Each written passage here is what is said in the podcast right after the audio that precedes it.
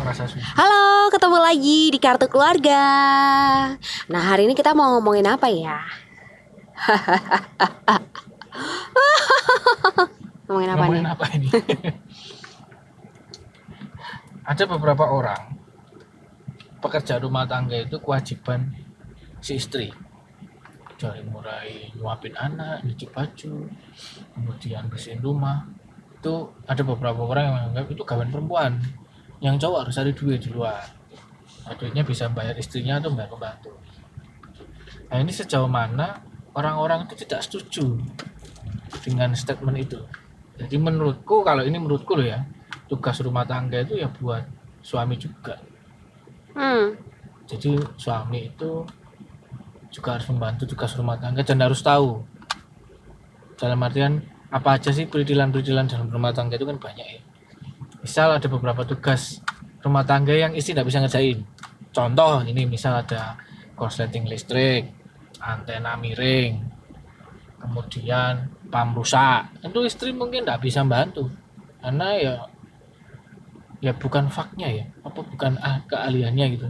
dan juga nggak mungkin nggak terlalu dipedulikan juga sih kalau aku. Ya, karena enggak enggak enggak perhatian Nggak listrik kan dan sebagainya. Gas eh, masak gas susah itu kan enggak semua enggak semua perempuan bisa. Mm-mm. Apalagi listrik karena takut. Tapi kalau sampai laki-laki enggak bisa nyuci, kemudian enggak bisa nyuci ya, nyuci itu banyak loh, mulai dari Nyuci baju, anak sampai Nyuci, Nyuci mobil, piring, nyuci nyuci, piring mobil. itu menurutku karena bukan enggak bisa ya, tapi menurutku karena enggak mau. Bener bener. Karena bener. itu pekerjaannya itu kan lebih gampang daripada nyervis listrik. Menurutku ya. Jadi sebenarnya gini nih, namanya juga keluarga itu kan adalah sekumpulan organisasi terkecil gitu kan. Di situ ada leadernya, di situ ada followersnya. Nah sebenarnya kalau kita udah memahami struktur keorganisasian bahwa leader di sini selain memimpin kan dia harus membimbing juga gitu loh. Dia bukan bos. Kalau dia bos sebagai suami dan bapak bos ya dia bisa memerintah dengan sesuka hati Jadi ya memerintah istri ada kepala keluarga dan apa dan Kepala kepala, rumah rumah tangga.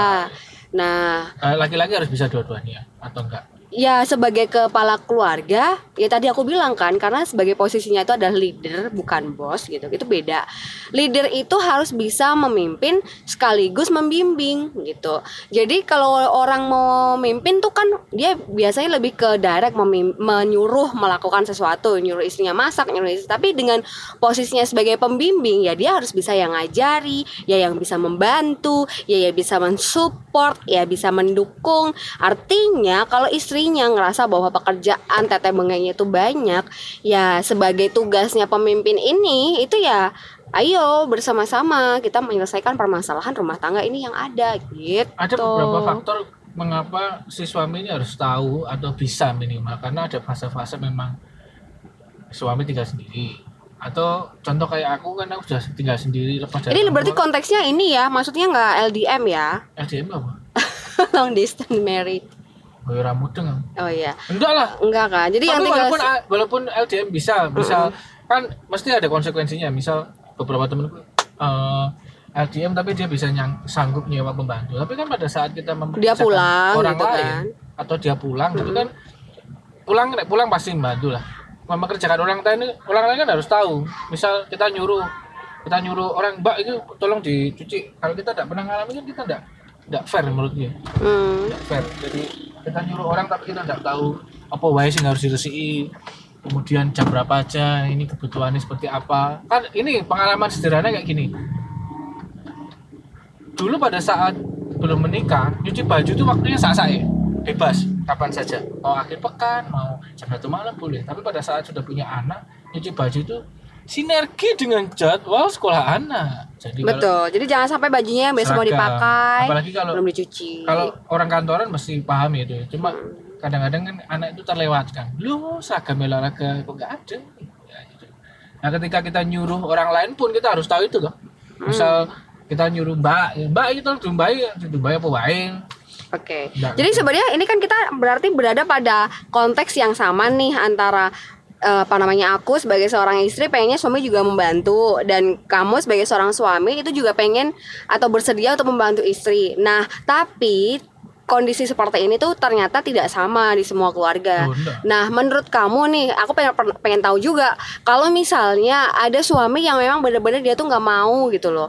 Aku tuh cari duit aja, kamu yang ngurusin anak segala ini, segala rumah tangga. Nah, baiknya harus seperti apa ini mengedukasi atau apa ya istilahnya ya, mengajak suami untuk lebih care sama urusan rumah tangga tuh caranya seperti apa gitu loh. sebenarnya itu hak masing-masing satu kalau kita ngomong ke sosial ya. Tapi kalau masalah tuntunan sih harusnya yang namanya pemimpin itu apa-apa kudu ngerti. Eh, balik lagi sama seperti yang aku bilang dong ya. terus kemudian hmm, eh, ada sistem pemanjaan waduh sistem pemanjaan tuh tidak selalu dengan uang. Jadi ada beberapa istri itu yang menurutku sebagai laki-laki berpikirnya kalau tidak mau nih ya. Misal kita ketemu suami yang tidak mau blas bantu istri wah aku sudah ngasih duit misalnya gitu nah kadang-kadang kita harus berpikir taktis dan hemat jadi suatu saat kita memanjakan istri saya eh kamu udah sekecil lah kita cuci semua loh ini kan low cost jadinya kita tidak perlu ngeluarin duit Atau mungkin memberikan privilege lain gitu mungkin. Istrinya sering-sering dijajain baju. Nah, tapi sama aja.